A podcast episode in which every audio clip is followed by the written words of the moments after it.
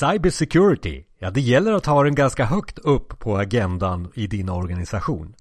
Alldeles strax Jonas Lejon i podden. Ja, det här är effekten. Effekten som belyser digitaliseringen. Alla avsnitt finns på effekten.se. Just nu väldigt populärt att lyssna på avsnittet om gigekonomi och om UX. Hitta podden på effekten.se eller där du hittar dina övriga poddar.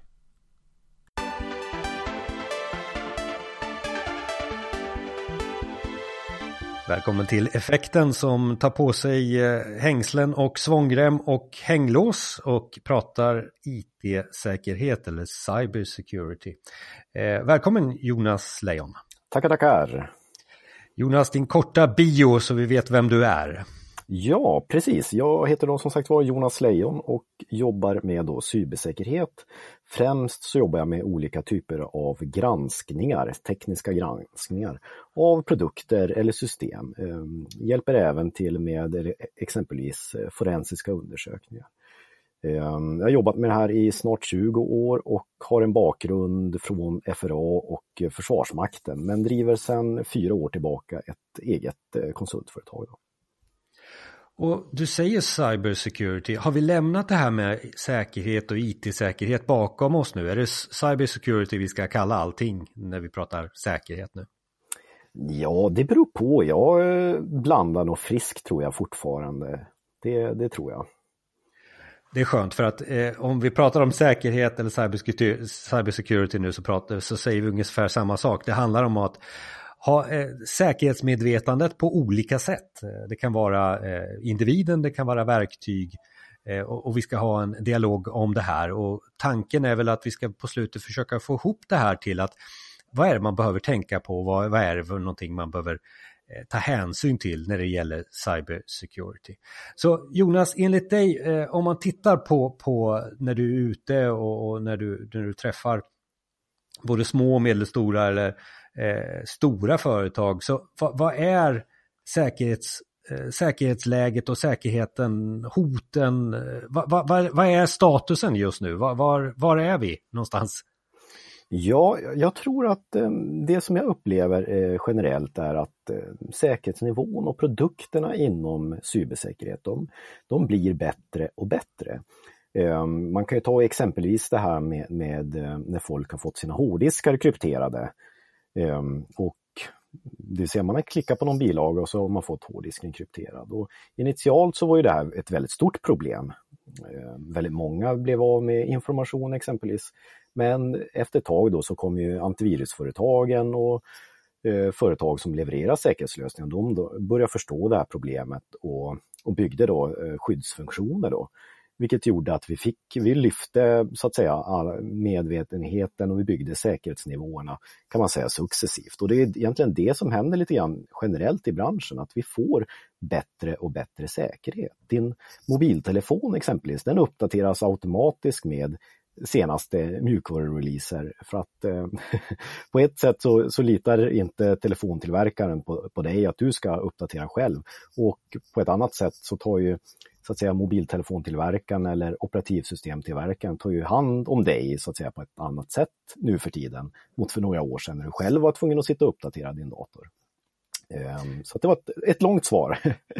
Men, men, men, om man tittar då, för det låter ju väldigt eh, lugnande svar. Eh, jag hade väl tänkt mig att nu, nu är det riktigt svårt här, eh, ingen tar hänsyn till någonting. Om man tittar lite på det, jag gjorde ju uppdelningen på företagsstorlek, jag vet inte om det är rätt eller fel, men om jag skulle vara ett litet företag som inte kanske har det här medvetandet om säkerhet.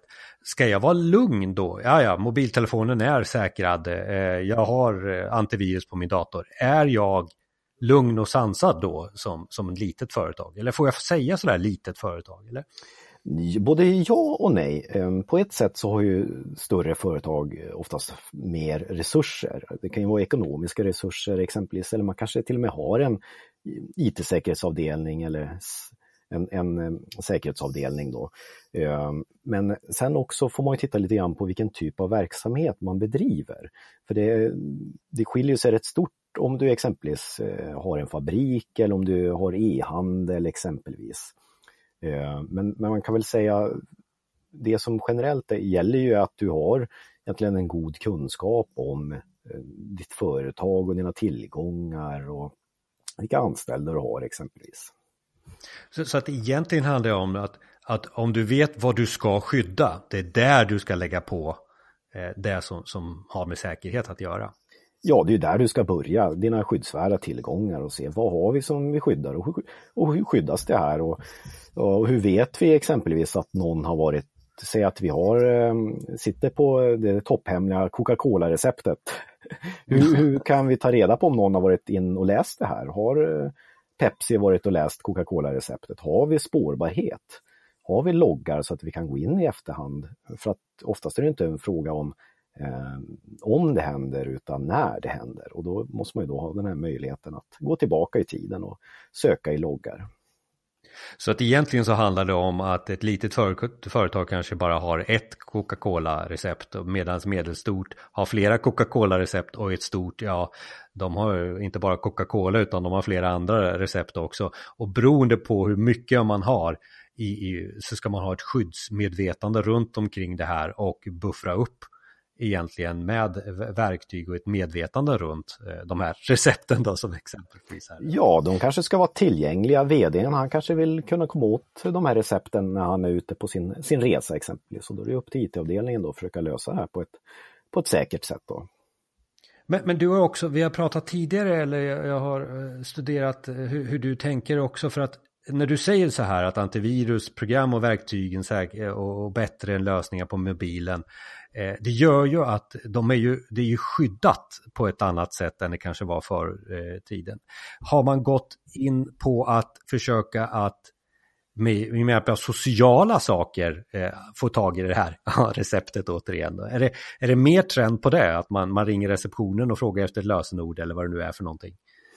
Ja, precis, precis. Så att det som, det som händer och den här trenden lite grann jag pratar om att våra säkerhetssystem blir bättre och bättre och eh, det som inte tyvärr blir lika mycket bättre och bättre och det är vår medvetenhet, vår, våran kunskap om de olika säkerhetshoten.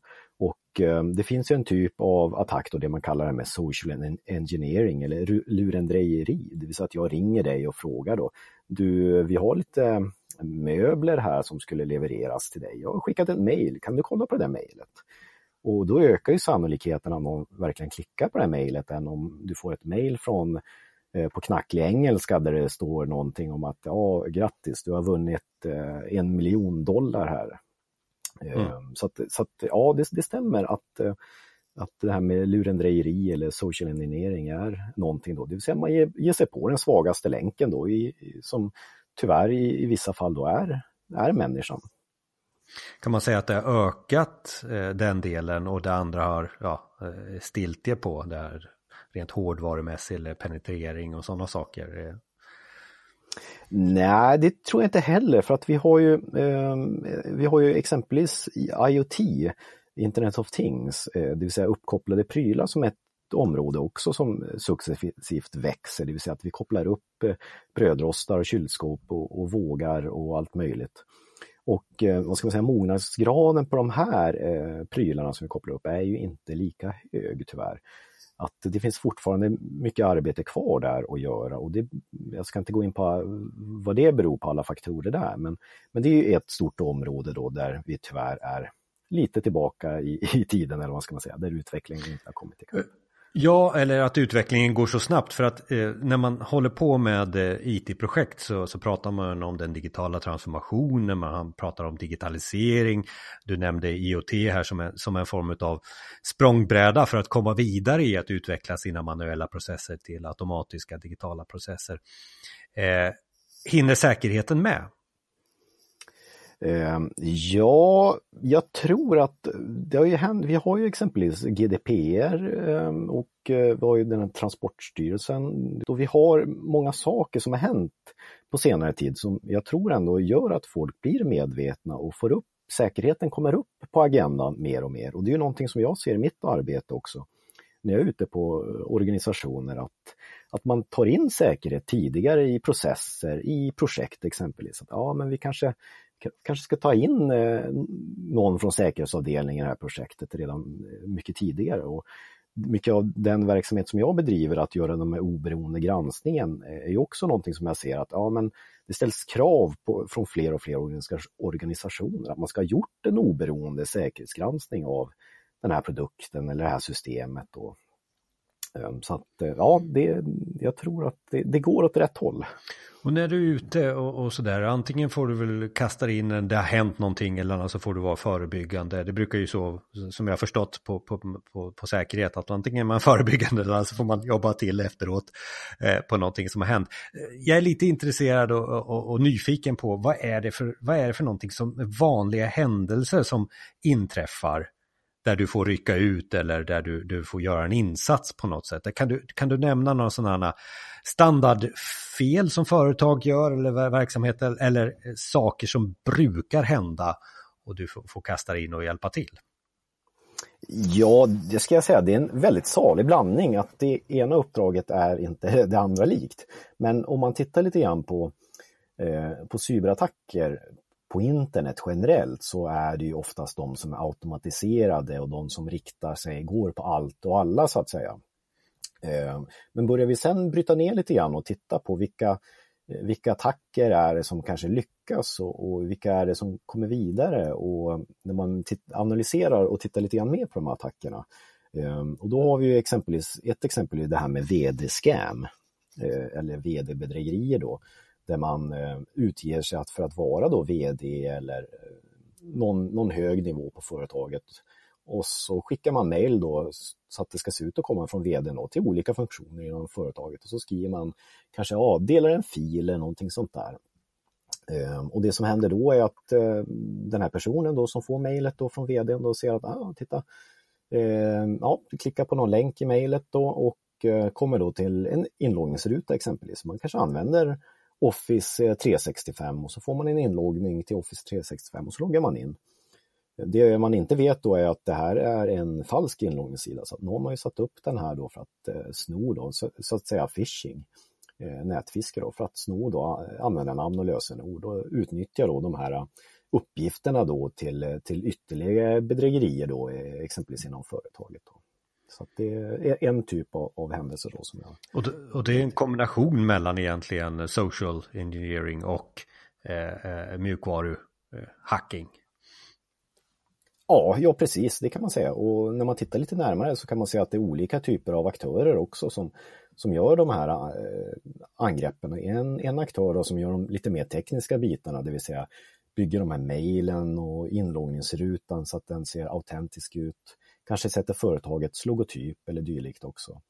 Sen är det en annan gruppering då som sitter och läser de här mejlen och eh, angriper man då svenska organisationer som kanske står på svenska då, så då måste du ha någon i det här teamet då som gör den här attacken, måste ha någon som förstår svenska då.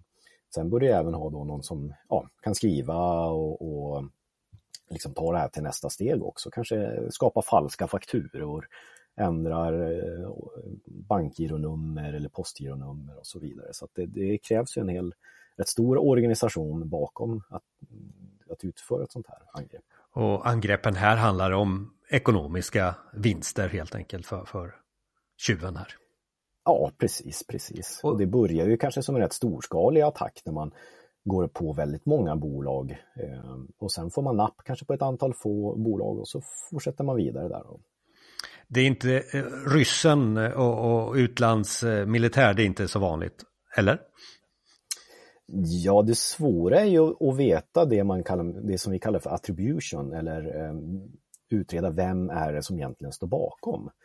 Um, för det kan ju vara så att um, ett, en främmande makt exempelvis kanske använder sig av en, en sån här hackinggrupp eller, eller dylikt. Så att det är just uh, att veta, just när det gäller cyberattacker, det är väldigt svårt att ta reda på vem som står bakom.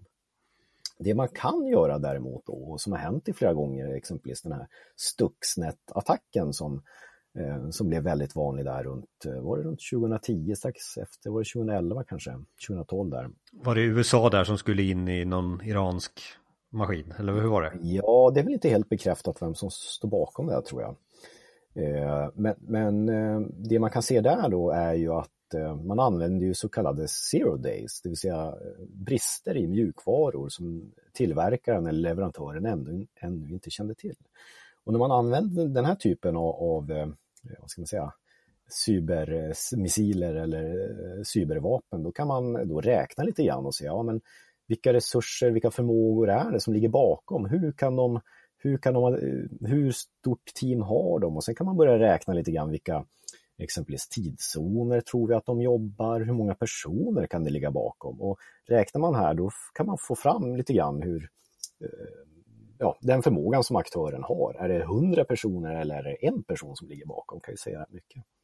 Och, och det vi kommer in på nu är ju eh, det är nästan ett eget poddavsnitt om konspiration och var skulle det nya kriget bedrivas. Jag tror ju att en del kommer ju finnas på, på nätet av de framtida krigen eh, runt omkring.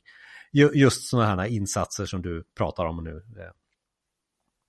Ja, är, om man drar det i förhållande till vad många eh, traditionella eh, militära plattformar, alltså båtar och flygplan, vad det kostar jämfört med, med cyberattacker så, så eh, får du väldigt många cyberattacker för, för eh, eh, ett flygplan så att säga. Men om vi landar lite i eh, det här med vad ska jag som företag i Sverige tänka på eh, i någon form av checklista här Jonas på, på, slutet. Så att vi enkelt kan ticka av, jag har gjort det, det, det. Kan, kan jag få en sån av dig eller är det återigen beroende på vilken verksamhet du har. Men, men har du någon sån här eh, rekommendation eh, vad man behöver tänka på? Ja, det finns ju lite checklistor så att säga man kan nyttja sig av. Eh, men, men det, det, jag tycker är viktigt är ju att hålla koll på sina tillgångar. Vilka datorer, laptops, eh, mobiler har vi? Eh, hur är de här uppdaterade och uppsäkrade? Har vi grundläggande IT-säkerhet? Har vi exempelvis har vi antivirusprogram? Eh, och sen också det som jag var inne på lite grann med, med spårbarhet. Att, eh, vad är det som vi har är viktigt och hur ser spårbarheten och tillgången ut här? Kan vi se om, om, eh, om en användare, en anställd, loggar in eh, kanske på, från sin semester i Thailand och, och, och läser det här eh, hemliga receptet exempelvis. Eh, så att det, det skulle jag säga är några saker då som är att eh, hålla koll på sina tillgångar och sen också lite grann titta på det här med ett problem som jag ser på många organisationer. Det är det här med administratörsaccess, det vill säga rättigheter som, eh, som ger mer tillgång till saker än, än, än andra. Att se hur, hur nyttjas de här eh, eh administratörs-PC exempelvis eller administratörsdator? Hur, hur är den uppsäkrad? Och, hur ser den ut? Ehm, så det, ja, det var lite eh, några tips där. Ja, du, du, pratar om rättigheter eller behörigheter, du pratar om spårbarheten eh, och om någonting skulle hända och hur kan vi ta reda på vad, vad, vad som har hänt. Eh, och sen vad har du för tillgångar och då pratar du både hårda och, och, och även mjuka saker, alltså hemligheter som du kanske har sparat. Eh, och, och, och sen vad har du för verktyg som skyddar det här? Det, det är väl den listan jag mm. skriver upp här lite snabbt. Ja, och sen är det det här med utbildning också, mm. inte glömma att eh, utbilda användare, informera användare. Och det handlar väl om ett medvetande om säkerhet överhuvudtaget och du, GDPR hjälpte oss i personlig integritet men finns det något annat som man kan göra när det gäller att skapa medvetande inom säkerhet? Har du något tips där? Eh, ja, det är ju att eh, löpande kontinuerligt exempelvis vid nyanställning informera personalen vad som gäller och mm, just eh, vilka regler som finns, vad som är uppsatt och som jag var inne på det här med vd-phishing exempelvis. Hur upptäcker man det här och hur ser processerna ut och när motringer man exempelvis? Och ja, och sen även då ha återkommande information, eh, uppföljning då, det vill säga att man informerar personalen och kanske rent utav vissa organisationer också testar personalen. Det vill säga man, man skickar ut mejl till samtliga anställda med någonting som ser intressant ut då, ehm, och sen räknar man och tittar lite grann hur många har klickat på det här mejlet. Och, eh, och sen försöker man bli bättre successivt. Då. Ehm, sen är också en, en viktig faktor som jag måste säga också ehm, är ju det här med tvåfaktorsautentisering.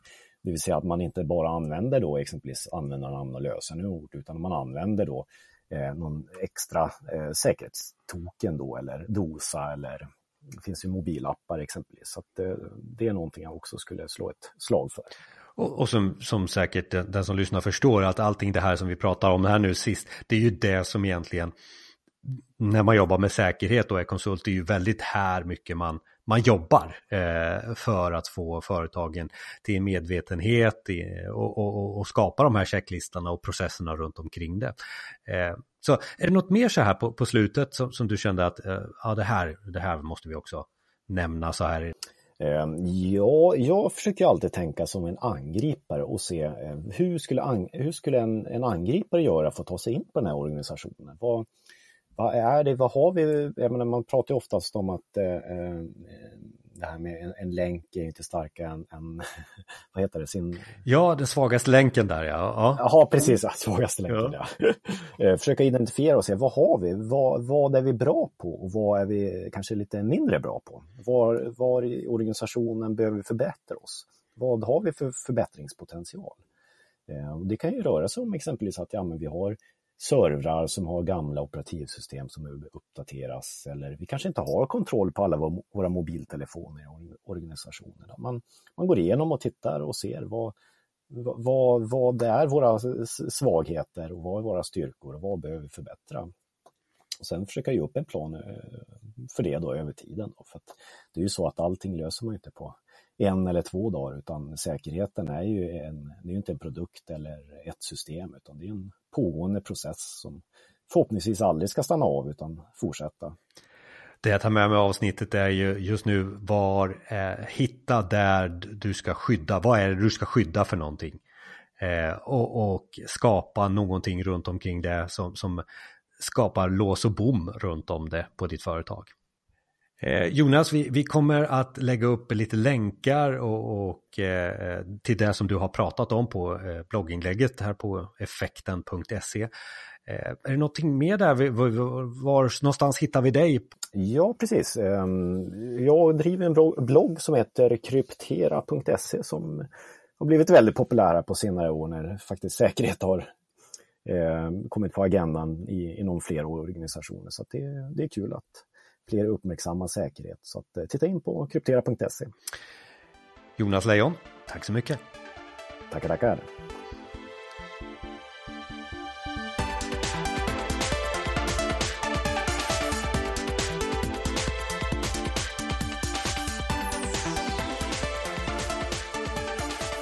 Tillhörande länkar och kontaktuppgifter finns på effekten.se. Podden hittar du där du hittar dina övriga poddar och på effekten.se. Du får många avsnitt eh, genom att eh, prenumerera på podden. Bland annat så pratar vi ju om den digitala transformationen. Vi pratar om IT till digitalisering och olika typer av strategier. Sen ger vi tips om olika verktyg. Vi pratar Office 365. Vi pratar om hur man ska införa den digitala arbetsplatsen. Och så är det där med den mobila användaren. Och för dig som vill växa som eh, i din affär till exempel. Om det är en fysisk affär eller en digital affär. Allting om eh, digital marknadsföring och även eh, min favorit Growth Engineering. Effekten.se eller Effekten söker du på där du hittar dina övriga poddar.